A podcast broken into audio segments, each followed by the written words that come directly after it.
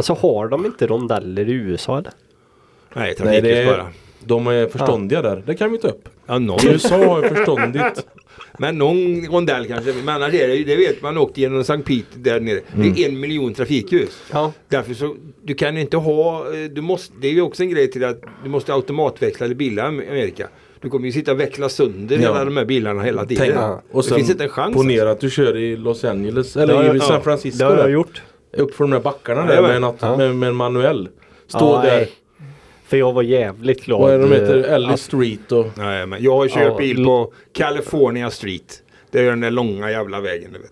Den är ju Sen har du ju Och så åkt på den där. eh, Lam-. Lambert Street. Nej, Ja, Lambert, ja. Heter den inte Lombardi Lom- eller? ja, Lombard Street. Lombard Street heter så När är man kör så här. Ja, Det har jag kört ner för också. det är typ 50 Det är meter. coolt. Ja. Men jag var väldigt glad att vi hade manuell när man parkerar i en backe och sen när man ska ut då. Man, alltså bilen står ju... Men det finns inga manuella bilar att hyra. Nej, sa jag att jag hade manuell? Ja. Automat Ja, jag säger det. finns ju inget annat. Nej, nej.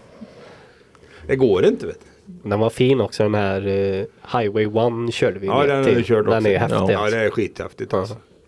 Ja, det där är, kan en egen podd. Men det där är, ja, det, var fan, det är fantastiskt. Alltså den är ju bättre än Vassbo-leden till eh, Billingehov. Fy fan. Får man ju säga. Nej men. Cykla över Golden Gate tycker jag var häftigt. Ja, det var häftigt. En dag rätt. Tog en hel dag så åkte vi färja över från andra sidan där. In förbi Alcatraz. Men ni var väl i Sausalito? Ja, precis. Så är det. Och jag cyklade ytterligare en mil till... Har du cyklat? Jag cyklade den sträckan. Du, du, du kunde cykla? Jo men det var ju ett antal depåstopp.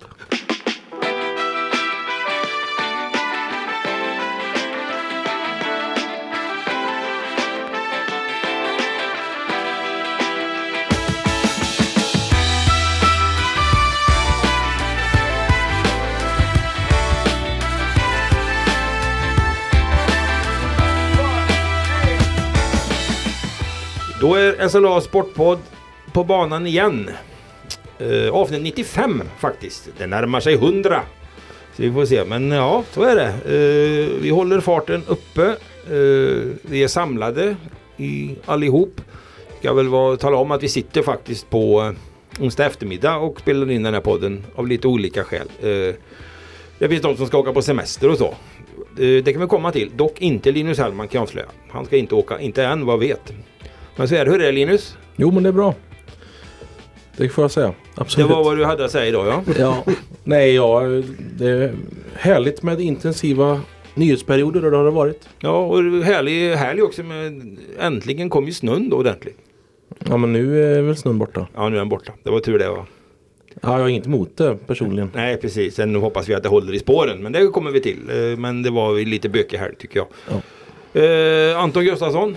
Ja, Hur har, du skottat? Du fick skottas nu hemma då? Ja, jag gjorde det faktiskt. Jag förstår var det. ute och skottade som bara den på ja, förmiddagen där innan. Jag kommer inte ihåg vilken dag Nej det det var. var men- fredag och lördag Ja, som det fredag. var. Jag var ute båda dagarna och skottade faktiskt. Men nöjde mig med att skotta halva garageuppfarten då. Det räckte. Jag förstod ju att här kommer det mer snö. Så det är ingen idé att skotta för mycket då när man vet att det kommer ännu mer snö. Nej precis och speciellt man vet att det ska smälta bort också två dagar senare. Ja. går ju motivationen ner för det Ja. har det ju faktiskt gjort. Men eh, ja sånt är det.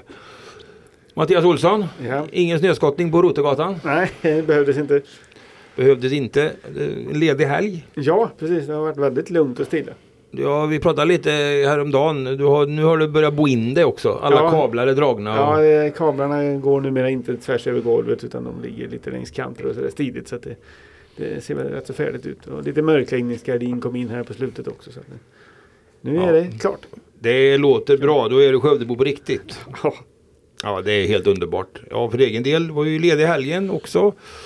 Det var också snön lite hemma då.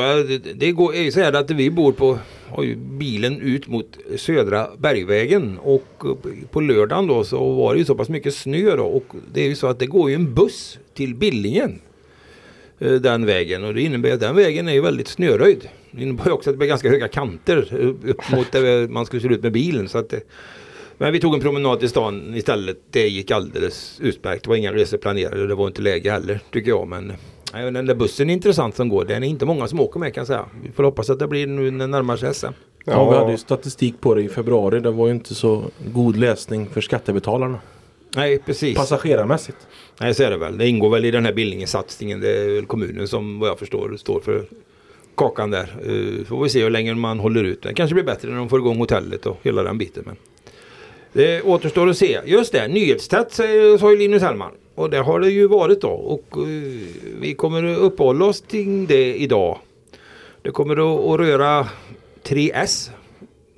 Inte de tre orna då utan de tre S. De tre S. Signell, SAIK och Skövde HF.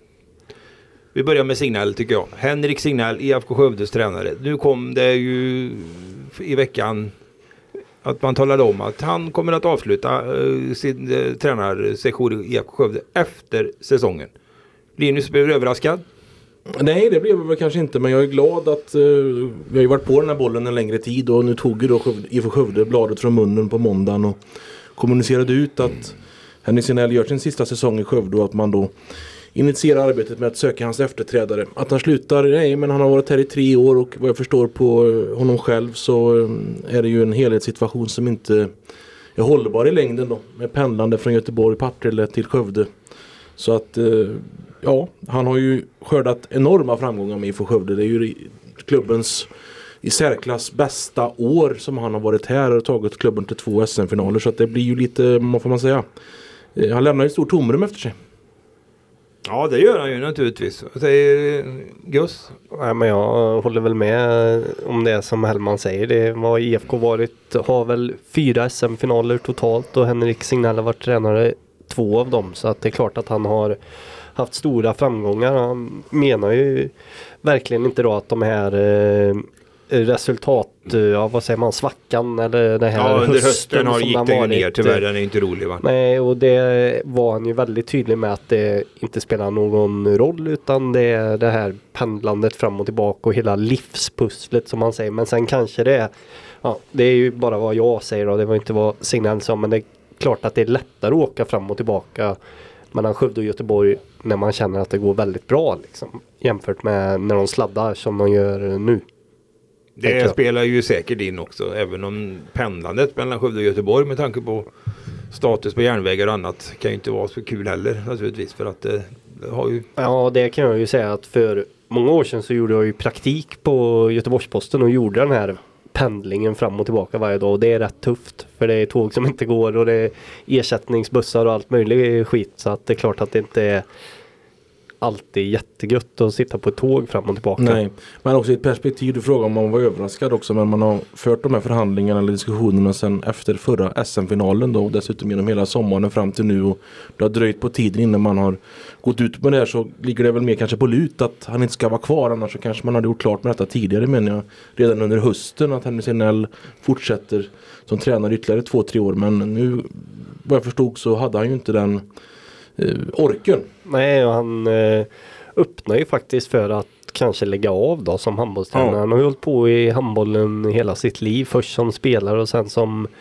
tränare. Och han är 47 år nu och sa att det kan faktiskt bli så att jag gör något helt annat än eh, handboll. Och det, ja, det får vi väl se hur det blir men eh, samtidigt så skulle inte jag bli överraskad i alla fall om han dyker upp i handbollen igen sen till nästa säsong eller om något år. Eller så det skulle inte förvåna mig jättemycket. Nej, inte mig heller faktiskt. Det kan kanske bli någon liten post i Sävehof kanske som är hans ja. moderklubb och det har han väl. Eh, han har ju bra relation med dem och så vidare så att eh, Nej, för egen del så jag skrev ju det nog både ja och nej. Jag tyckte väl att det var lite, inget överraskande att det blev med tanke på pendlingen. Men lite överraskande ändå när man ändå pratat med honom tidigare så har han ju varit väldigt inne på själv att han har trivts väldigt bra och kan tänka sig att fortsätta och tycker det är en fantastisk förening och hela den biten. Så att eh, kluvet. Vad säger Mattias? Man ja. är tre år i en elitförening i alla fall. Det, det, ja. Som det nu blir med detta. Det är ju ändå ganska lång tid. Va? Ja det är det väl. De brukar väl säga att tränarna har väl egentligen generellt en liv, livslängd på tre till fyra år. Sen brukar spelarna generellt ha svårare att lyssna på dem. Och det gäller väl egentligen de flesta utom vissa fotbollstränare som Sir Alex Ferguson och Wenger som nötte på bra mycket längre än tre, fyra säsonger. Men ja, det, det ligger väl något visst i det och vad jag förstod det på så var väl diskussionen långtidskontrakt eller sluta nu. Det är klart, börjar man redan tycka att det är svårt att pendla eh, den biten så är det klart det, då ska du orka i ganska många år. Eh, och det är klart som du sa här Anton innan att det, det är klart att hade väl varit lättare. Hade, hade man känt att ytterligare en tredje rak final hade varit på gång liksom.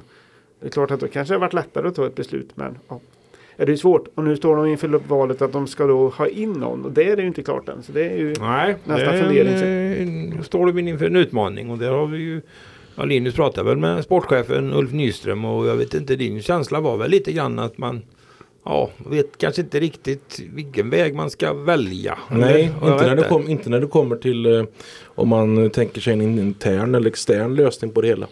Och eh, man har ju arbetat enligt ett koncept senaste ja, vad är det, fem åren. Ulf Nyström kom väl in 2018 där. Och har rekryterat både Jonas Wille och Henrik Signell under sina år. Så att, eh, det är ju toppenrekryteringar men nu var väl känslan att man står ganska öppet här inför vad som komma skall. Och IFK Skövde har ju historiskt gjort en del olika vägval då genom åren. När man, ja, man kan ju backa tillbaka till när Mr Skövde Handboll Gunnar Blombeck lämnar som tränare i slutet på 2000-talet där. Då var det ju på väg att det skulle bli Jobbe Vranjes, det blev ju inte det och då fick vi ju ett antal interna lösningar under 5-6 år. Det var ju inte bara dåliga år även om det var kvalmatcher för man gick ju till slutspelsserie på den tiden när man två år i rad tror jag och så då kvartsfinal under Henrik Schneiders ledning. Men eh, det var ju interna hemsnickrade lösningar. Robert Arrhenius kom tillbaka, tog laget ihop med Peter Johansson. Fanns sådana olika. Innan då, innan då eh, Patrik Liljestrand klev in i handlingarna. Eh, tre år då. Under ganska tuffa ekonomiska premisser. Ja men så är det väl och jag tror väl också att det där spelar in också för att det är ju ändå så om man håller sig till ordningar i föreningar så är det ju så att tränare och sportchef är anställda personer och de svarar under styrelsen. Vi har pratat om det förut. Det är styrelsen i IFK Skövde Handboll som har, eh, som har ansvaret för vad som händer och sker och de har ansvaret för ekonomin och ekonomin styr ju alltid vad man har råd Ja. med att göra för typ av satsning. Och jag, så väl känner jag nog IFK Skövde och de som sitter med där att det finns inga människor där som ger sig ut på några stora vågspel när det gäller ekonomin. Nej. Utan man tittar nog på den väldigt känns ju som hårt. att bollen ligger ganska mycket där. Och Ja. eh, sen ska man ju säga att man står på väldigt solid grund. Alltså man har en Ja, drygt två miljoner ja. tror jag eget kapital. Så det är inte så att det är en förening som eh, inte har ekonomi. Men det är ju liksom man, hur man ser det framöver då. Vad man, ja, om man känner att man hittar en kraft i den egna rörelsen eller om man hittar en extern förmåga. Och det, man måste ju konstatera att de senaste externa lösningarna har ju varit ohyggligt bra för Skövdes del. Verkligen. Men du vet ju själv, vi pratade om i somras. Då hoppade ju IFK Skövde av Europacupspel. Ja, det gjorde Det man var ju. väl Det var av ekonomiska skäl vad jag förstår. Det var det och det var ju väldigt defensivt av en förening som nyss hade spelat SM-final och eh, tagit ett SM-silver. För det är bara att konstatera att alla andra topplag i Sverige i handbollsligan spelar ju där ute i Europa eller skulle spela. Att en del tog sig inte vidare i de här turneringarna men det är ju en ingrediens och det blev ju en, IFK Skövde en fattigare del av. Många spelare hade nog sett fram emot detta. En del spelare kanske lämnade för att man inte fick den här Europaspelet. Så att eh, det är en aspekt också som eh, man ska ha i beaktande. Det, ju, det blir ju en diskussion naturligtvis eh, mellan sportchef och styrelse. Ja. Hur korten ska spelas framöver och då så är det ju. Så, här i år kan jag ju säga om man nu med facit i hand så var det väl bra att man inte var i någon turnering då för att då hade man ju fått spela där i november och det var ju då den här formsvackan inleddes som man inte vinner några matcher. Ja, ja, ja visst. men eh, hade du frågat mig innan säsongen så var det ju naturligtvis ett Ja, det är klart att ett lag som spelar i SM-final Ja. ska spela i Europacup. Det kan man ju tycka. och man, man liksom gick ju ganska långt Ja, ja. ändå i, i den kuppen förra säsongen. Det är väl inte tal om annat i fotboll och så. Vad förstår. Nej. Men det är andra villkor också. Det är, man ska blanda in det. Det är ganska dyra grejer.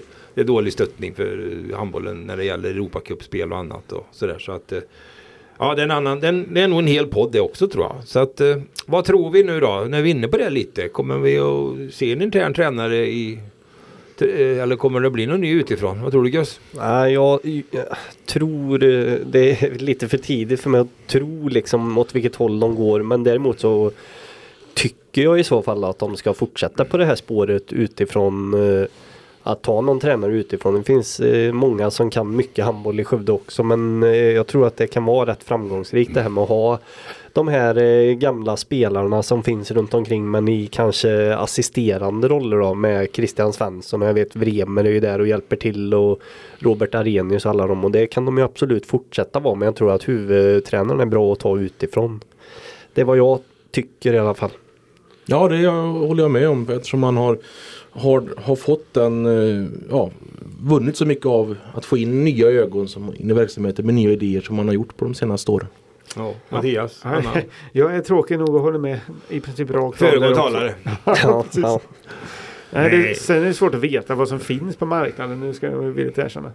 Ja så är det väl naturligtvis. Jag skrev ju det idag. Det har varit ganska många som har reagerat på det här sättet också. Att, uh, lite halv på skämt, halv på allvar. Att man kunde ringa till Jonas Wille. Inte så att han ska bli tränare igen men han har ju, dels gjorde han ett fantastiskt jobb själv och dels så uh, tipsade han ju faktiskt Skövde HF om Daniel Birkelund och det har ju varit en succé. Det, det är ju inget annat så att uh, kanske finns något, ytterligare något namn i, i Norge i rockärmen som man kan skaka fram. Det har han Ja, säkert. Jag har ingen aning och han verkar ändå känna ganska mycket på Skövde så att han är säkert behjälplig om det skulle vara aktuellt. Men eh, ja, vi får se vad som händer. Jag, Vad Eh. tror ni då? Kommer det påverka något det här att de... Ja, för nu ska vi ju ta eh, säsongen i land. Alltså Signell har ju inte lämnat än. Han har ju några månader kvar. Det kan ju bli väldigt, väldigt viktiga månader. ja, nej, jag, jag har ju alltid tyckt, men nu är jag gammal och traditionell. Jag har ju alltid historiskt sett haft svårt för det här när det kommer beslut om klubbbyten och tränarbyten innan, mitt under säsonger och så vidare. Och svårt att kanske tro att man offrar armbågen liksom i alla lägen när man ändå ska åka vidare. Men eh, jag tror i det här fallet så eftersom det ligger, eh, så här, det här ligger ju vad jag förstår på Signell själv att han tycker att han vill göra någonting annat i livet. Så jag tror att han är väldigt, väldigt mån om själv att sätta en snygg slutpunkt i Skövde. Alltså det, jag tror inte att det rinner ut i sanden av det skälet i alla Nej, fall. det, det, det tror inte jag. Han är, eh, Signell är ju ändå ett proffs får man ju säga. Så Ja, en eh, oerhört professionell yrkesman. Däremot skulle inte jag bli förvånad om han kommer att eh, matcha laget om man ska säga ännu hårdare här nu. Att det, han behöver inte kanske vårda relationen med spelarna på sikt på samma sätt ändå. Att han kan gå lite hårdare på några och ja, offra Ja, några eller vad man Ja, ska han säga. har ju inget att förlora längre och de marginalerna till att spela det har man ju lagt bort. Nu ska man ju åka till Norge och ladda upp här under uppehållet några träningsmatcher i Halden mot Halden och Drammen vad jag förstod. Och sen så ska man ja, för att försöka svetsa samman laget inför de här ohyggligt viktiga matcherna som kommer här i slutet på januari, början februari när man ska möta Guif och RIK. Och det är eh, svårt att se att man inte ska ta fyra poäng där om man nu ja, ska undvika kval till exempel. För sen kommer ju matcherna mot de här topplagen och eh, där, där är ju inte IFK Skövde riktigt än. Nej, det är ju helt sant. Så att det kommer ju bli väldigt spännande de här. Och då ser man ju också ganska direkt hur det här tar sig ut tror jag. Eh, Faktiskt hur det kommer att se ut framöver. Men, Ja, det definierar ju fortsättningen Ja, då de här två det. matcherna. Det det. Utan fyra poäng där då Ja, då ska det bli intressant att läsa den tabellen inför de sista sex matcherna. Eh, för det är ju skillnad menar jag om man eh, får reda på, som jag, nu ska jag inte nämna, han för mycket om det, men vi vet ju att det finns ju fall när man talar om för sin tränare att från och med nästa år så är inte du kvar här utan vi kan pröva andra vägar. Då tror jag det är lättare för den- den befintliga nuvarande att tappa motivationen då. Men det är ju inte det, är ju inte det som framställs utåt här i varje fall utan här är det ju skett i ett väldigt samförstånd. Så Ja, att, eh, Ja. sen ska man ju addera också. Jag menar, vi pratar tränare. Springer omkring en, eh, flera spelare på planen som inte heller ska vara med i Skövde framtidsprojekt. Så att det, och de har man väl inte heller sett inte ska prestera. Nej, Nej. det har väl ändrat sig det där. Liksom hur det var. För förr var det ju, i min värld så var det helt otänkbart. Alltså. Man bytte klubb mellan säsonger. Liksom. Men det skiljer sig ju lite eh, mellan sporterna också. Jag menar det blir, det blir ju inget eh, negativt liv egentligen. Det var ju samma förra året när Helt Jepsen är klar för Kristianstad. Folk verkar ju köpa det. Ja, I, ja, I hockeyn eh, kan det ju bli ett jäkla liv alltså, om det visar sig att oj den här spelaren har ju redan gjort klart för, för något annat lag och nu kanske de möts i ett, eh, ett kval eller vad det är liksom. Det Ja. blir väldigt mycket mer hysch-hysch i hockeyn än i handbollen. Och det sa vi kanske att det var ju likadant med Jonas Ville som tidigt sa att han skulle inte vara kvar i Skövde. månad, Nej, september precis. månad och han gjorde ett kanonjobb. Ja. Jag står ju för det att det är väl den hade blivit ett slutspel så tror jag. Men det laget hade jag jättemöjlighet att ta det där SM-guldet. Som de inte fick chansen att göra. För det laget som man hade då var riktigt, riktigt bra. Ja. Så var det faktiskt. Sen tappade lite grann under resans gång där. Men eh, ja, så är det. Det är små marginaler i sportens värld. Ja. Alltid. Uh, januariturnén går bra? Ja, när, när. Eller hur? Ja, men den är igång spelad. Jag såg... Eh, Man vunnit, va? Ja, de vann med 2-0 mot Finland. Så Jan Andersson var snabb med att påpeka att nu är man uppe i tre raka vinster här nu. Ja. Och räknar träningsmatcher och januariturnéer och så vidare. Det är bästa någonsin. Nej. Januariturnén. Nej, ja, nej det är det väl inte. Men eh, Det är bra i alla fall. ja, kul. Vi- Kan du tala om för mig vilka som gjorde mål mot Eh, Finland? nej, det kan jag faktiskt inte. Jag tittar inte på hela matchen. Någon- någon Nyman, tror jag. Ja, det är Kristoffer Nyman, mest rutinerade spelaren. Så var det en Gjorde till. nog mål. Och så var det väl eh, Hellman var det inte Djurgårdsspel. Var det Asoro som gjorde mål också tror jag. Ja, det är mycket möjligt. Det var Jag det. har, ja. Så hette han. No- noterbart var ju att eh, Leopold Wahlstedt, den till all, riktiga Det A-landslaget. är din nya favoritmålvakt. Ja, lite grann så. Eh, han höll ju nollan. Eh, Och under de 20 minuter jag såg så stod han för en fin räddning. Eh, Och det är ju värt att notera för han har ändå varit med i riktiga landslaget när alla har varit Det är tillgängliga. bara att lita på Leopold så kommer det att gå bra. Ja. Det kan jag lova. Precis, men han spelar inte nästa match nu har jag sett. Det är konstigt, så fort jag tittar på dig så kommer jag in på januariturnén. Undrar vad det är Ja, jag, har- jag har någon aura av det uppenbarligen. Ja. Nej men det är bra, du gillar fotboll. Vi, Ja. kommer in, vi ska komma in i slutet på det också för du har ju en, din stora grej framför dig till helgen. Ja. Symposiet nere på med idel ädel fotbollsadel Ja. på besök i Skövde. Men den tar vi sen. Nu går vi över på andra S1 då. Skövde AIK. Linus och Gus var på första träningen eh, i, Ja, ju- nere på gy- gymmet i måndags. Ja, det var lite ovanligt att dra igång på, med, tränings, med ett gympass. Ja, vi ska bara förtydliga, ingen gympass för herrarna. Nej, det var vi inte. betraktade det hela på Puls gym i Skövde där som de Ja. samlades. Aldin Basic frågade mig om jag skulle göra några chins. Jag tackade nej. Ja, de ville se någon löpning av mig också tror jag. Det, var det, det Jag, var, vill, det jag vill inte riskera baksidan. Tobias Linderoth och Mikael Lindgren eller vem var Mirza? Ja, var det var det nog som bad Hellman göra en rush på den där gröna konstgräs. nej, nej, vi Nej, han har kört färdigt. Ja. Ja, Nej, men det- det, nej, Nej, men men det var ju var det? Hur var det? spännande när man eh, drar igång så eh, gänget samlas då för de hade ju varit ifrån varandra de senaste tre veckorna. De har ju tränat i Ulvahallen under december då innan Ja. man gick på lite ledighet under jul och nyår. Och nu var ju även de här fyra nyförvärven på plats. Men de hade träffat sina nya lagkamrater. Nej, det, Knappt, nej, utan det var ju, vi stod ju där och väntade då när, De kom direkt, när de gled in, nyförvärven dök upp och ja men de fick ju gå varsitt varv där och hälsa på sina nya lagkamrater. Så det var ju första gången många av de här eh, ja, träffades då. Ja exakt. Och det är ju då eh, Hampus Söderström, Emil Belander, Gustav Broman och Lukas Röse då som är de här fyra nya spelarna. Alla, Alla var där ja. Var där. Sen var, vi- hade vi ju en eh, person som inte var där då som istället var på Örjans vall. Eh, I Gustav Friberg som verkar vara på glid eh, till HBK. Ja. Men vi kanske återkommer till just det. Ja, för där precis. har vi, vi där har ju lite mer. Det har ju flera. blivit Skövde AIK-filial. Ja, en koloni Kallar där nere. Kan vi kalla dem för snart. Nej men de, ju- ah, jag vet inte hur mycket det är att säga om det här. Det var ju ett gympass. Ja, ja. Men däremot så pratade jag då med Hampus Söderström och med Lukas Röse. Det verkar vara två, två ödmjuka trevliga killar som eh, ja, berättar om varför de ville gå till Skövde AIK kan man väl säga egentligen. Och han, den här Lukas Röse han är en vänsterback då som har varit i Kalmar de senaste åren men haft eh, väldigt stora skadebekymmer med ljumskar och grejer var det där. Så att, men han verkar vara i princip tillbaka. Han var i någon slutfas av rehabilitering eh, och räknar med att kunna dra igång här lite försiktigt då. Så att eh, en värmlänning som tackade nej till Svennis Karlstad för att spela i Skövde AIK. Så pass. Ja, Ja.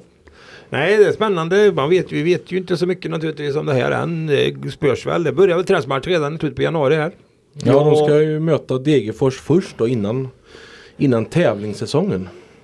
ja så att det blir ju två. Ja, det, det är ju Degerfors sen tror det är igen 29 i- tror jag de mötte dem. Mm, I 29 träningsmatch, Första träningsmatchen.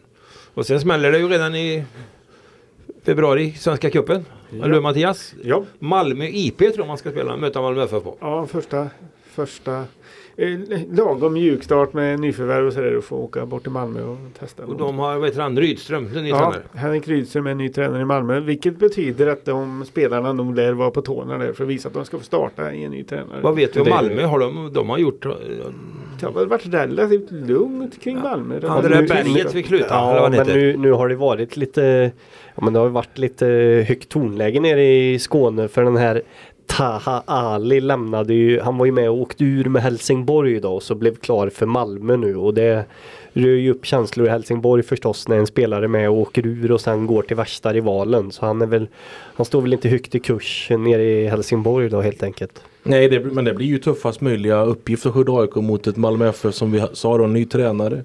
En del nya spelare, deras första tävlingsmatch. Deras enda sätt att nå ut i Europa efter fjolårets fiaskosäsong och så match där nere på arenan. Så det kommer bli mycket folk ändå tror jag. Och vi pratade ju lite med Per Ostermo som var där och han sa ju det att nu, just nu så är de eh, rätt klara med truppen som den ser ut men att eh, i och med att eh, fönstret inte stänger än på ett par månader så har de ja, men man kan väl säga att de kan utvärdera lite under de här svenska cupen-matcherna och se hur det ser ut för det blir ju Ja men det blir ju väldigt tufft motstånd Ja, med Malmö två Degerfors där. Ja, Ja, och det ska man ju veta också att det är bara ettan ur eh, gruppen då som går vidare. Så att det blir ju väldigt svårt. Men däremot blir det ett bra sätt att se spelarna här och det pratar ju Ostermo lite om. Där ser vi om vi behöver plocka in något, eh, något mer då inför Mm. eh, seriestarten. Nej, men väldigt roligt också att man får spela för första gången ett lokalt lag som spelar i den här gruppspelet av Svenska Cupen. Under försäsongen och det är inte bara de här försäsongsmatcherna. Det är skillnad på, på tränings och tävlingsmatcher. Ja, och det kommer ju vara, jag menar det är ju Malmö FFs första tävlingsmatch Ja. för eh, säsongen också. Det kommer vara mycket mer folk Ja, än vad det är på någon av Skövde AIKs matcher annars Ja, ja, ja, så ja, ja. Nej, det är bra svar. Man kommer få ett bra svar direkt för att se Mm. vart man står. ja. Och inte bara där utan även mot Degerfors såklart. Står man sig bra där ja, då är det ju ganska uppenbart att man har man goda möjligheter att eh, stå sig i första träningsmatcherna handlar det om man ska alltså spela Degerfors den 29 sen hade man Östers IF borta 4 februari och sen ska man spela i Trollhättan den 11 Så att eh, då får man ju Då ska ju Lindroth se de här nya spelarna i matchsituationer Ja också då. precis, men Malmö-matchen går ju... Den 17 sen va? Ja, Det är så pass sent, 19. ja. 19. Ja, ja precis. Mm. Ja, ja, den går där i månadsskiftet. Sen hade de ju Degerfors borta. Så blir det revanschmöte i svenska, i, mot IFK Luleå. Ja, Möttes det får ju ju någon annan ta. 1-1 i det allsvenska kvalet 1970. Ja. Nu får man chansen att vinna Ett mot Luleå. halvt sekel senare. Ja, precis. Det, och då var det 13 700 personer på Södermalm. Kommer det ju inte vara nu när man ska Nej. spela på konstgräset. Får man väl försöka Nej, få ihop det på något bra sätt då här i, i mars. Ja, verkligen. Det är väl så. Det är ju tillstånd till det. Men ja, vi får se då. Men eh, ja, svårt att veta någonting om Skövde AIK. Men det verkar ändå vara god stämning. Linderoth var Tobias har vi gott mod och ja, det var han. Mikael. Lindgren var eh, också. Ja, absolut. Han var på topp. Så, ja, det var han. Det blir kul att se den här då. Emil Belander, nyförvärvet, den store. Han det var en stor kille va? Ja, det var en stor kille och en, eh, ja, men rejäl kille eller hur man ska beskriva honom. Det var mycket, mycket muskler och en, ja men en, såg ut som en klassisk centertank helt enkelt. Så att jag tror att det kommer bli något för motståndarförsvaren att bita i. Skövde AIK kommer inte bli mindre fysiskt direkt om man tänker att det var Jack Cooper Love förra året och nu är det Emil Belander. Det, en, det här är en mer fysisk spelare än vad Jack Cooper Love var. Det Precis. kan man säga. Det enda som är tråkigt är ju då att man tappar ju de här långa inkasten. Förmodligen blir det väl så att Gustav Friberg går till Halmstad eller vad tror vi? Ja, det Kanske redan är klart. ligger Det väl- center vet kan- ju inte vi. Men... inte, men kan vara, det är ju allt, det måste ju få i tangentens riktning när man befinner sig Ja. på Örjansvall. Även om man nu är skadad och rehabiliterar sig istället för att vara när Skövde har sin upptakt. Ja, det, annars åker han väl inte ner till Örjansvall. Det tror jag. Det är ju tråkigt såklart att uh, Friberg lämnar för de här inkasten har ju varit, varit Ja, hä- tappar vi en snackis. Ja, Ja. det är ju det verkligen. Det har varit kul och andra att följa. kvaliteter så- också som ytterback. Som Jo, så är det. det och det vill, det, fotbollsspelare vill gärna liksom eh, säga det att jo men det är inte bara det och det, så är det ju självklart att Gustav Friberg är inte bara en inkastare. Det är, Nej, en, det det är en bra, det är en bra vänsterback och han kan dra inlägg och försvara och allting. Va? Så att det, så är det ju. Och det var ju samma med den här då. Skulle jag bara säga. Nu Hellman pekar på mig och jag blir lite stressad. Men Nej. vad heter det? Eh, Hampus Söderström, Ja. eh, det här nyförvärvet är ju, ha, ja, det är bara för folk att gå in och googla faktiskt. Han är ju otrolig på de här Han frisparkarna. skjuter Så- frisparkar. Ja, han skjuter frisparkar. Det är, det är ett par rejäla frisparkar alltså. Men han menar ju också det att ja, det är, det är inte bara det utan min främsta egenskap är ju att vinna boll liksom. Så att, eh, men det blir ju lätt att man ja, men sätter in dem i ett fack. Gustav Friberg det är långa inkast och Hampus Söderström Mm. Ja, det, är, självklart. det är frisparksspecialist. Men det är klart att spelarna kan mer än att Jo, göra jo, en men det är grej. ju- Självfallet. Men det är de här små också. Mängder av spelare är väldigt bra. Men har man då en extra sp- spetsgrej som är, sticker ut. Då blir man extra intressant. Ja, så är det. Och där var därför jag pekar bara för du talar ju med Lukas Rös och där är ju- vi ju inte heller även om han skulle träna inkast. Kan han, inga, han kan inte kasta långa du Nej, nej det, det är i alla fall inte bekräftat att han har långa. Han sa att han behöver nog träna på det lite i så fall. Men eh, får väl se. Linderoth får väl mm, gräva helt enkelt och se vem som är Ja. näst bäst på att kasta inkast. Och så har man väl en försäsong på sig att träna upp det då. Precis. Det återstår ju att se men grundplattan är väl kvar i spelmässiga och sen så får man väl se vad de här nya spelartyperna, Ja, vad de, vilka skillnader det blir på. De verkar lugna i alla fall i ledningen och det är huvudsaken. Ja. Om vi kommer in lite på Halmstad då. Mattias, vi har ju kollat lite. Vi har ju lite Ja. koll på trupper. Du har jobbat nere i Halmstad bland annat och kikat Ja. lite. Har lite känningar, något kanske i Halmstad-trakten. Och vi, vi är väl inte så där, vi satt väl och spånade lite redan förra veckan att med Viktor Granat då, som bytte Västerås då till Halmstad. Att det skulle Ja. nog passa ganska bra Ja, Utan att det. vi egentligen visste då Nej, vi hade ju ingen aning. Den första spekulationen hade ju inte kommit. Men vi satt ju och spekulerade för oss Ja. själva. att Där hade han nog passat rätt bra. Sett till tränartyp. Sett till typ av stad och sett till vilket typ av anfallare som redan fanns i Halmstad och så vidare. Så att det ju en rätt rolig eh, förhandsgissning av Ja, oss. för det känns väl som att eh, Viktor Granat nu då som efter rekordmånga mål i Superettan går till till Halmstad att han kommer att kunna han kommer ju få sin han kommer ju få en plats där helt enkelt alltså Det möjlighet till en, en, bra sits liksom. Det är uppenbart att eh, Haglund och Halmstad tror på eh, Magnus Haglund då, tränare i Halmstad. Där. Eh, uppenbart att de tror på honom. Eh, det kunde man ju läsa sig till tydligt på hemsidan. Och även då med eh, lillebror precis. också då, med, William. Precis. Som är klar tidigare. Och sen så, de har ju spelat i Superettan nu Halmstad, så de har ju sett eh, båda bröderna Granat ordentligt. Har ju koll på dem. Så att, eh, jag tror att det också är smart för dem att eh, ska de gå på värva från allsvensk nivå Ja, då kan det bli både dyrt och lite osäkert och så kommer det någon som förväntar sig med olika grejer. Nu kan man ta någon som förmodligen passar rätt bra i Halmstad och som, som ändå tar ett kliv upp där tillsammans med dem. Så att jag tror det är att väl så också att eh, Magnus Haglund med sitt förflutna i Elfsborg under en lång tid när Tobias Linderoth var där också. Står väl ju lite han- är väl, var väl en av de få tränare egentligen i fjol som uttryckte respekt och beundran för Skövde AIKs sätt att spela. Ja det gjorde han ju verkligen. Det både, ja, både hemma och borta Ja. så var han ju Ja jag minns ju här på Södermalm så var han Alltså han tog upp det själv egentligen. Det var ingen som behövde fråga knappt utan han tog upp att det här Tobias gör med att få ut så mycket och de är, Han utnyttjar liksom varje spelares egenskaper till max. Det var ju något eh, Ja, men han, han det får man ändå försvarar, säga ju, var, försvarar ju att man fick Ja. använda sig av alla tillbudsmedel inom fotbollen. Ja, och nu är han ju på väg att ja, men, eh, kopiera Lindroths eh, succé från eh, för två år sedan när de gick upp med Gustav Friberg, William Granat och Viktor Granat. Så det är tre spelare som var i Skövde AIK för ja, ett och ett halvt år sedan som högst troligt då ska spela allsvenskt med Halmstad. Det är ändå rätt otroligt att det har blivit så. Ja verkligen så att nej, det är bara så är det ju. Det är ju tråkigt för oss naturligtvis här, men nu är det ju som det ser ut i fotbollen. Den Ja, här framförallt så- näringskedjan. Ja, jag vet inte, kan, kan komma till näringskedjan för nu har vi fått lite, kan inte släppa lite grann bara tanken att Viktor Granat hade spelat kvar i Skövde AIK istället här när man ser nu att för att Halmstad köper ju honom av Västerås.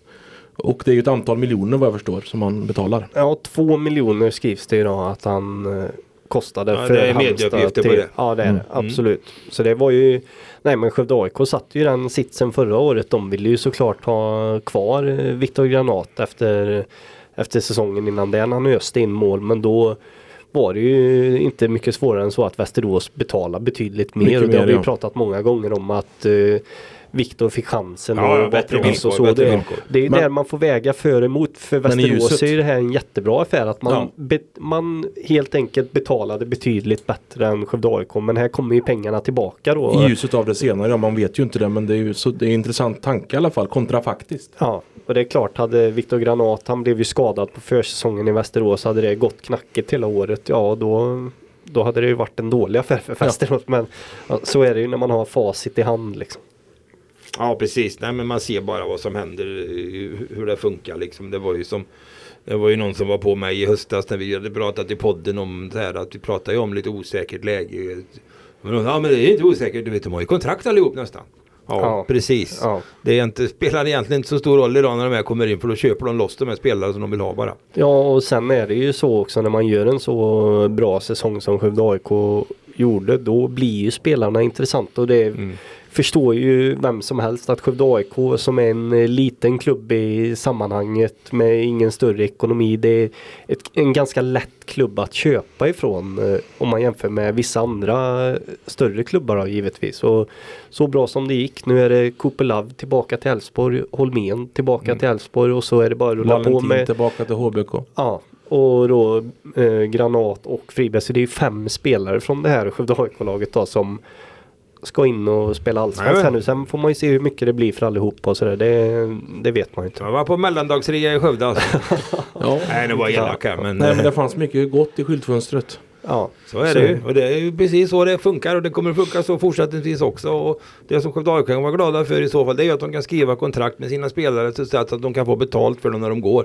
För förut så tappar man ju spelare när kontraktet har gått ut och Ja. sen går man vid, då, det, det blir ju ingenting. Nej. Det är ju efter Bosman blev det ju så. Precis. Ja, och sen kan ju Skövde AIK vara väldigt glada också att de inte har tappat inte en enda spelare i sidled. Det är ingen som har gått till något annat superettanlag. eh, Vilket man hade kunnat tro att så också skulle bli fallet. Då. Skövde AIK använde sig av den metodik du nyss eh, sa då när man värvade Lukas Röse. Man värvar ju inte honom av Kalmar utan han står ju utan kontrakt. Ja, han Och är utan kontrakt. Skriver man kontrakt med en sån kille? Ja. Han är Bosman helt enkelt. Så är det ju med de här spelen. Det är ju Skövde AIK har ju värvat från, från eh, division 1 här Ja. spelar också. Så att det är ju så det funkar. Det är klart att de spelarna som kommer till Skövde AIK de gör ju det för att det är ett steg uppåt för dem. Och det är på samma sätt Mm. de som lämnar tar ett steg högre upp. Och, ja, alla spelare vill ju liksom fortsätta uppåt. Nej, så har ju många spelare eller klubbar gjort tidigare. Jag vet ju Gävle storhetstid nu som är tillbaka i Superettan. Det var, det var ju specialister på det ett tag att, att hitta spelare underifrån som inte stod under kontrakt som man kunde plocka. Var han Per Olsson förresten. Per Olsson han är väl i Halmstad. Ja, han hjälper väl Haglund där om jag inte är helt fel ord. Men Det det fick de ju betala då för en spelare i alla fall. Ja, ja. Lite oklart vilken roll han har där nere men någon har han nog. Ja. Jo men han har en roll Ja. vid sidan om. De hade, Ja, ju, de hade väl förmodligen Han sitter på bänken också. Ja, Superettans eh, mest meriterade tränarbänk får man nog säga. Ja det får man nog säga om man har Pelle Olsson Två tränare av den digniteten menar jag ju två Ja, allsvenska han tränare. var sportchef eller något sånt Mm. där, kanske. Ja vi får se. Nej men eh, ja, ja vi återkommer. Det, blir mycket, det kommer att bli mycket Skövde AIK naturligtvis. Och eh, vi återkommer i ärendet. Då tar vi tredje S tycker jag. Eh, Skövde HF. Efter hur många år var det? Det var ju nio år. Efter nio, gång, nio år så stod man som segrare i sporthallen i Hör. För första gången då. Ja, det är bra det var, Vi får gå tillbaka till Magnus Frisks tid där när det var någon kvartsfinal 2014 som var senaste gången. Ja. Men eh, nu, eh, nu inträffade det i helgen att Skövde HF vann där nere igen. Mm. Och man Ja. gjorde det på ett eh, väldigt bra sätt. Ja det får man ju verkligen säga. Det, ja nu Ja, vi kan reka- bandet här, men- rekapitulera men man, man ledde ju redan i halvlek med 15-10 och man ledde tror jag med sju bollar en bit in på andra halvlek. Så att eh, till slut så blev det ju 30-28 va? Ja, det blev så. Och det, bakom de siffrorna döljer sig inte den jämnhet som kanske Nej, det ju- framstår. Det var kritiskt vid ett tillfälle i andra halvlek när det kunde, när Hör kunde krympit Skövdes ledning till ett mål ja. men det var två och sen ledde man med fyra, fem mål på slutet. Så att eh, en totalt odiskutabel seger mot ett Hör som Ja, matchen definieras en hel del av att eh, målvakten där, Hultgren Dahlgren va, ja, skadade sig ju redan efter 10 minuter i Hör. Eh, I det läget ledde väl Hör tror jag med 7-5 och det, Ja, det blev ju sedan eh, Ja. en stor scenförändring där. ja Och, eh, det får man säga. tar man inte udden av Skövdes insats Nej, men, nej. Det, men det, det, det spelade en stor roll in i matchen. Det Absolut. gjorde det för uh, Hörs målvakt som kom in där. Hon räddade inte mycket och samtidigt uh, tog uh, Annie Linder en hel del. Så det var ju Ja, hon gjorde ju en riktigt bra match. Jag har Ja. sett det på TV. Det är riktigt, riktigt. Det var nog hennes bästa match för säsongen tror jag. Ja, efter, eh, efter skadan där så, så var det ju knockout i målvaktsmatchen. Ja. Får man ju säga. Så är det. Det går inte att vinna matcher utan målvaktsspel. Nej. Det är svårt. Faktiskt. Eh, nej men jättekul tycker jag. Och nu är vi uppe där. Nu är vi tvåa, ja trea kanske då med tanke på... Eller målskillnad va? Ja, Västerås bättre målskillnad. Men man är med där i, i racet och nu har man Hallby hemma på eh, Fredag. fredag kväll. Ja. Och eh, då kan man uppnå poängsumman från förra året redan va? 20. Ja, så Ja absolut. Så, det förstärker väl bilden av den här succésäsongen för det här var ju nionde segern på årets 13 matcher då va? Ja, Det är nio kvar. Ja. Ja, nej, de har ju ett jätte, de har ju ett bra program också faktiskt med matcher tycker jag hem, på hemmaplan som är god, mycket goda segerchanser i så att eh, Ja. BK Heid och som är Mm. ur och det finns ju flera matcher där så att, eh, att de ska plocka ihop en 28 poäng kanske inte är orealistiskt. Nej, och jag menar nu har de ju slagit Hör i Ja. båda matcherna den här Ja. säsongen och Ja. det var ju något man in, inte trodde inför säsongen att det skulle bli dubbla segrar mot Hör men eh, Nej och sen ja, har det man ju, fortsätter ju bara att rulla nej, på. och sen har enkelt. man ju derby på hemmaplan där man mycket väl kan ta revansch efter Ja. höstens förlust mot Skara. Så att eh, det Nej man har ju spelat sig till ett fantastiskt läge. Man Liksom. har Önnered hemma va? För de slog man väl borta? Ja i premiär va? Ja men de vann väl mot dem på bortaplan va? Ja, Ja visst. Visst. Jajamän. Nej så de har ju, de har ju bra matcher. Man- Sävehof hemma också. Ja. Det kan ju bli en härlig match faktiskt. För att i idrottshallen så går inget lag säkert. Och Sävehof matchar de ju väl på bortaplan. Så att eh, det kan de inte bara ställa ut handbollsskorna och åka och hämta två poäng. Nej det var ju väldigt eh, Det var ju helt öppet i 55 minuter där i Partille Arena när de möttes senast innan Sävehof lyckades knyta ihop säcken men större var ju inte skillnaden. Nej det är jättekul faktiskt tycker jag. Att det, att det har gått åt det hållet. Och sen så får vi se vad det blir. Det blir lite annorlunda då med slutspel. Med tanke på att det är inte någon, inga val längre. Utan etta mot åttan, tvåan mot sjuan och så vidare. Ja. Så att, eh, Jag försökte ju trycka lite på det nu efter matchen här nu för nu har man väl nästan kunnat säkra en slutspelsplats eller man lär ju göra det nu de kommande omgångarna. Men man jobbar ju på fortfarande med fokus på nästa uppgift och det är väl Mm, det att man inte har svävat iväg som kanske har gjort att man ändå har vunnit de här matcherna eh, så liksom. Som, som eh, Daniel Birkelund för nu kan man ju börja i alla fall. Men det är ju inte hans uppgift utan det är ju vår uppgift och det är ju spekulativt och det betyder ju mycket på en andra och en tredje plats här sen när man ska gå in i ett slutspel då. ja verkligen. Om man kan lägga beslag på de positionerna. Ja, ja, ja, ja. Sävehof går inget att göra åt det tror jag inte i det långa loppet. Utan de är kommer vinna den här serien. Så är det ju. Så att de, nej men visst. Ja vi får se. Men det gäller Hallby först. Det är ju inte så. Ja, det är ett välbekant motstånd. Ja, vi var ju nere där före jul där och tittade när man spelade Idrottens hus i Jönköping. Och då blev det ju en tremålsseger. Men det satt ju väldigt hårt åt. Och Hallby hade ju, var ju nära poäng där. Ja absolut, det var, det var jämnt hela vägen. Det var väl Hallby gjorde ju bort sig lite på slutet här med några ganska grova missar. Men annars var det en jämn match. Jo, Och det ska man säga att Hallby är inte helt oävet. Nej, vi tangerade det förut. Man ledde ju med fem bollar tror jag på slutet. Men bjöd in Hallby i matchen. Ja. Så att, eh, men visst, det, det var jämnt och de var, det är inget dåligt lag. Skövde-tjejer och Skövde-profil Nej, på kul det som med Emma lag. Ja. Wahlström faktiskt tycker jag. Riktigt roligt. ja. Det måste jag säga. Och även hon Isa Franzén var i Skövde. De hamnade väl lite utanför i Skövde och gick ju ner en division och Tog upp dem nyckelspelare där. Och finns ju även tjejer med förflutet i, eh, som inte riktigt var, räknades med i Skara heller. Ja. En målvakt där, Hallberg Lövgren tror jag och sen en som heter Helle, en niometer som också Mm. är duktiga. Så att eh, det är kul. De, det går att ta lite andra vägar liksom när man kanske inte riktigt känner att man har, får möjligheten i sina gamla klubbar. Ja, Nej. och Emma Wahlström har väl en jättefin roll i Hallby. Hon spelar ju mer eller mindre hela tiden Ja. och styr och bestämmer i det laget. Så att eh, det flyter ju på jättebra för henne. Absolut. Och det blir ju en häftig match då vet jag. De har målat upp det här som ett slags miniderby då. Det är ju ändå Bortsett från Skara närmsta Ja, så är bortamatchen det. och sen en fredagkväll i idrottshallen som man hoppas på mycket folk.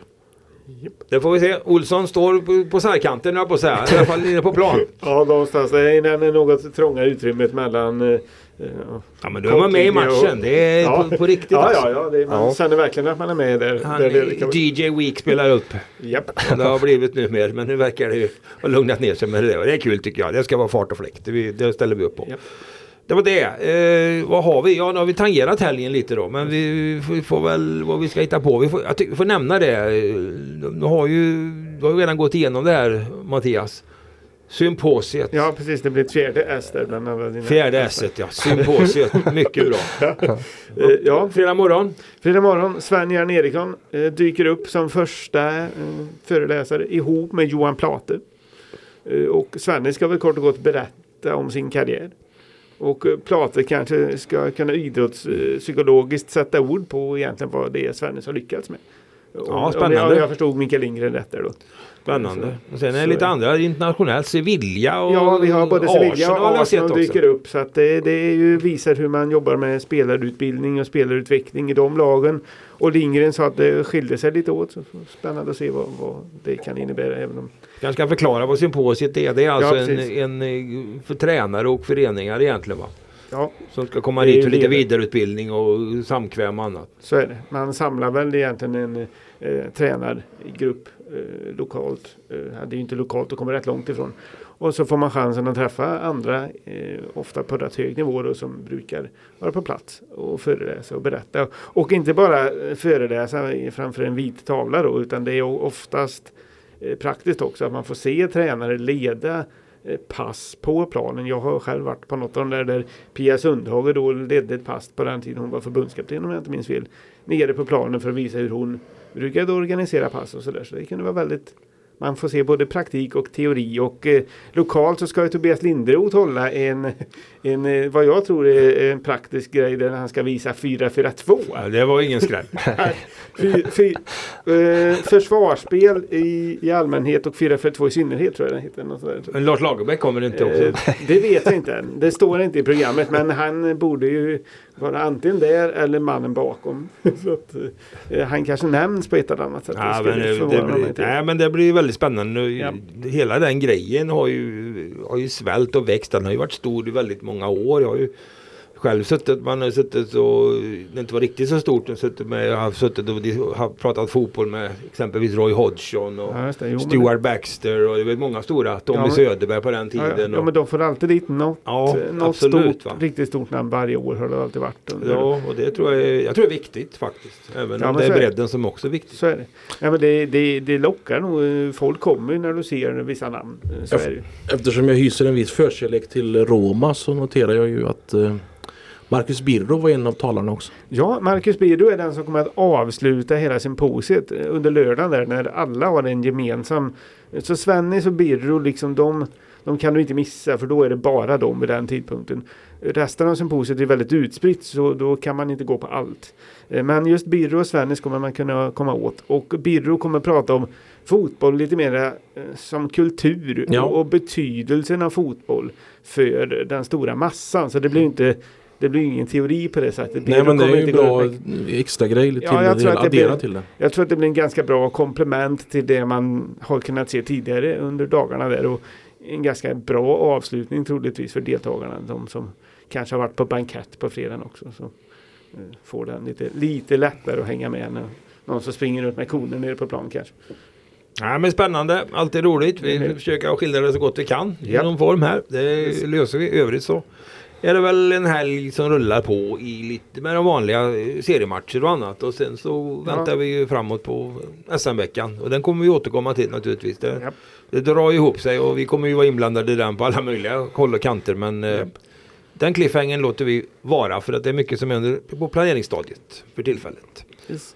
Ja, Hellman, något att tillägga? Nej, jag kan, väl- jag kan väl avslutningsvis bara konstatera um, Skövdesonen Max Fribergs framfart i både SHL och COL. Det vill jag väl nämna. Han eh, kvitterade ju så sent som tidigare i veckan här i, mot Luleå i COL Ja. Ja, han kom i en båge och gjorde ett kanonavslut 2-2. Ett Luleå som de ska möta nu i returen då nästa vecka i Norrbotten. Och dessutom ett Luleå som han sänkte i SHL i lördags. Ja. eh, Fyra mål på fyra matcher mot Luleå i år. Hörde jag kommentatorerna säga. Så att det, Då trivs man. trivas mot Luleå. Nej men han är väg på, enligt min uppfattning som ser en del, han är på väg mot sin absolut bästa säsong. Det är bara hoppas att han får vara skadefri och att det får fortsätta. För att så här bra trycker jag inte. Han har, jag har inte sett honom förut. Nej, det kan jag bara hålla med om. Det är ju, det, han har växlat upp ett snäpp. Ja, han har ju varit bra naturligtvis Jo, förut, självklart. Och han, det- han hade ju det här slutspelet för ett par år sedan. Han var Ja, otroligt bra. Men exakt. eh, den här säsongen nu, det är bara att kolla på. Om man tittar på Ja, mål så är han nästan uppe på sitt personliga rekord. Och då återstår det 20 matcher av grundserien. Och han leder Frölundas poängliga. Och det har han ju inte gjort tidigare. Nej. Varit i toppen även poängmässigt. Utan han är, det är också det som vi var inne på med vissa egenskaper. Det lyfts ju ofta fram att han jobbar väldigt hårt och är en eh, liksom krigare på isen. Då. Men nu ser man ju då att det går ju även att göra mål och assist Ja, och ja, grejer ja, alltså. Så att han kör ju på bra.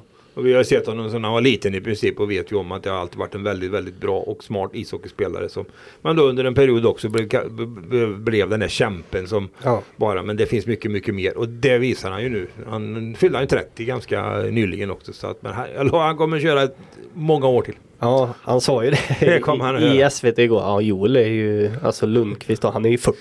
Och han, det håller ju för handen. Så att, Jajamän. Får man bara vara skadefri och allt vad möjligt så kommer det att funka. För han är ju ruskigt vältränad också. Det vet vi. Så är det med det. Inget annat. Olsson är nöjd. När spelar, hur är det med fotbollsmatcherna? Är, det någon, är, är, är turnén, pågår Eh, den? Ja, alltså to- den här kommer, den kommer vara avslutad den här podden eh, kommer Okej, ut. Men den ja. sista matchen är inte spelad. Nej, Den- men den- då avvaktar vi. Men då summerar vi där nästa vecka då. Ja, det ja, det är kan vi bra. göra. Får vi se. Det Vi får snarare börja ladda mot, mot mars där då när landskampen spelar riktiga landskamp. Ja, jag Jajamän. tycker vi ska snacka ner januariturnén rejält. Ja, ja. Ja, måste vi göra. Måste vi göra. Men eh, Ja, vi ska ja, ha en landslagspodd också. Vi ska gå igenom alla laguppställningar för 2002. fram. Det kommer. Ja, ja. Men det ska vi ha med oss in i våren när det börjar. Landslagsfotbollen har ju nog varit inte Den så bra kan man säga. dagar. Lite avslagen har man Ja, väl kunnat faktiskt, säga. men Sen, de sen, är på det gång. klart att vi missar VM. Så De det är på gång igen uppåt. Men det var väl många som tyckte att Sverige missade. Då slapp man ju en massa beslut om att man skulle bojkotta allt möjligt. Ja, tycker det- att många var bekvämt tror jag. Ja, det blev ju väldigt smidigt att eh, det bojkottades per automatik kan man säga. Ja. Därför vi inte kom dit. Så var det med det. Eh, ja, ska vi stänga? De har nog ledsnat på oss nu. Vi stänger Ja. butiken för idag och sen så lovar vi att återkomma Ja. nästa fredag. Ha det bra. Hej! Hej, och tack. hej. Hej hej.